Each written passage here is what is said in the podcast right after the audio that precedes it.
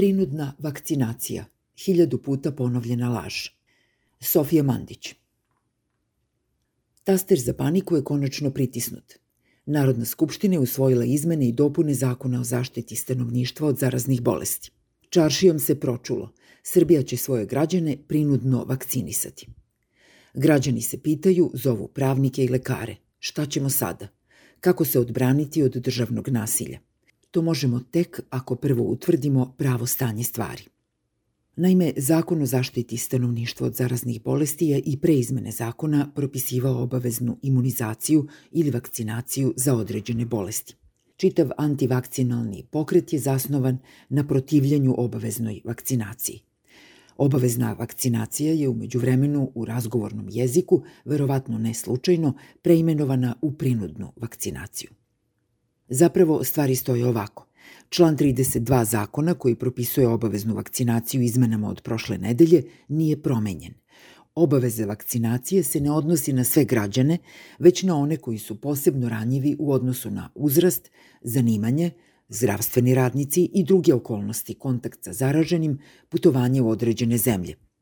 Neke od bolesti i uzročnika bolesti koje su obuhvaćene obavezom vakcinacije su tuberkuloza, difterija, tetanus, veliki kašalj, dečija paraliza, male boginje, rubele, zauške, virusni hepatitis B. Zahvaljujući opštoj kulturi, znamo kakve posledice ove bolesti mogu imati po život i zdravlje. Član 32 zakona propisuje i listu bolesti i uzročnika bolesti za koje vakcinacija nije obavezna, već preporučena. Neke od njih su varičele, HPV infekcija, hepatitis A i B, grip, oboljenja izazvana streptokokom pneumonije. Ni ovaj deo zakona nije promenjen prošle nedelje. Zaključimo još jednom jer je vrlo važno – I pre nedavnih promena zakona, domaći zdravstveni sistem prepoznavao je obaveznu, a uz nju i preporučenu vakcinaciju. Obavezna vakcinacija se ni tada ni danas nije odnosila na sve građane Srbije, već samo na pojedine kategorije stanovništva u posebnom riziku od bolesti. Svemu ovome bismo mogli dodati i informaciju o praktičnoj obaveznosti vakcinacije.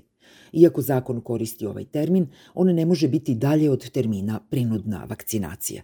Ukoliko ste obuhvaćeni obaveznom vakcinacijom od određene bolesti, a ne vakcinišete se, ili dete za koje ste odgovorni, možete platiti novčanu kaznu ili trpeti neke druge negativne posledice. Navedimo kao primer negativne posledice nemogućnost upisa deteta u predškolsko obrazovanje možete i sasvim legitimno na osnovu zakona izuzeti sebe ili dete od vakcinacije bez posledica zbog postojanja privremene ili trajne medicinske kontraindikacije, o čemu protivnici vakcinacije već dovoljno znaju. Međutim, u koji god slučaj da spadate, obaveznost vakcinacije ne podrazumeva fizičku prinudu. Niko vas ne može lišiti slobode i prinudno vakcinisati. Zbog toga ovaj termin nije samo netačan, već i opasan u vreme povišene pandemijske zabrinutosti. U čemu je onda problem i odakle tolika buka oko promene zakona? Radi se o članu 33 koji prepoznaje vanrednu vakcinaciju. Već pomenute obavezna i preporučena vakcinacija mogu biti redovne, član 32, i vanredne, član 33. Redovna vakcinacija se odvija u redovnim uslovima, recimo uobičajena vakcinacija dece od bolesti koje smo već pomenuli do vanredne vakcinacije, bilo obavezne, bilo preporučene, dolazi u slučaju pojave epidemije zarazne bolesti. Drugim rečima, redovna vakcinacija se odvija i van epidemije, a vanredna tokom epidemije. Ova pravila su važila i pre izmena zakona. Jedina izmena koja je prošle nedelje učinjena u članu 33, a koja apsolutno ne zavređuje nivo panike koji nam je priređen, je sledeća da se vanredna vakcinacija može odrediti i za druge bolesti, a ne samo one taksativno određene u članu 32 zakona. Ovo je razumna i gotovo tehnička izmena. Bez nje, u slučaju pojave vakcine protiv bolesti COVID-19, vakcinacija protiv ove bolesti ne bi mogla biti čak ni preporučena. Za to ne bi postojao pravni osnov, jer se bolest ne nalazi na zaokruženoj zakonskoj listi ranije poznatih zaraznih bolesti. Kakva će biti vakcinacija protiv COVID-19 jednom kada bude bila moguća? Ovo je svakako važno i legitimno pitanje. Možda će biti preporučena i onda će se njom vakcinisati samo onaj ko želi. Možda će biti i obavezna, ali tako da se ova obaveza, kao što je to slučaj i kod drugih bolesti, odnosi samo na pojedine grupe lica. Možda će se odnositi i na opštu populaciju od čega postoji najveći strah. Mogućnost vanredne vakcinacije opšte populacije nije novina. Međutim, verovatnoća da će vanredna obavezna vakcinacija vakcinom protiv COVID-19 biti određena za celokupnu populaciju je mala iz najmanje dva razloga.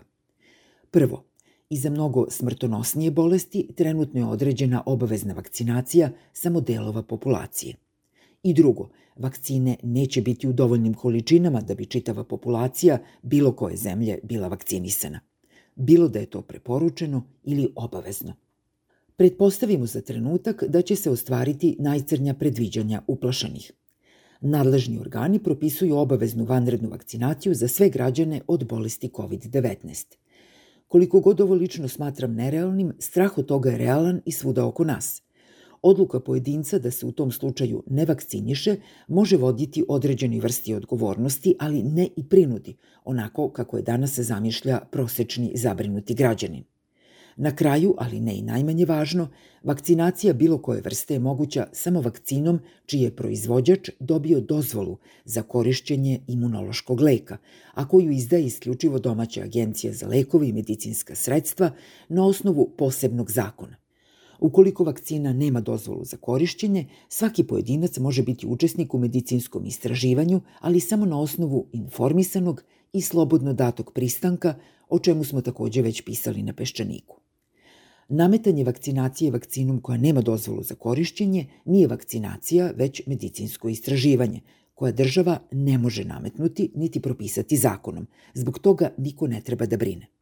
Ukoliko nas sve zajedno brine mogućnost da Agencija za lekove i medicinska sredstva dozvolu za korišćenje izda vakcini koja za to ne ispunjava zakonske i medicinske uslove, onda smo na nekom sasvim drugom terenu. Brine nas autoritarno, centralizovano i partijsko upravljanje institucijama, pa i zdravstvenim institucijama.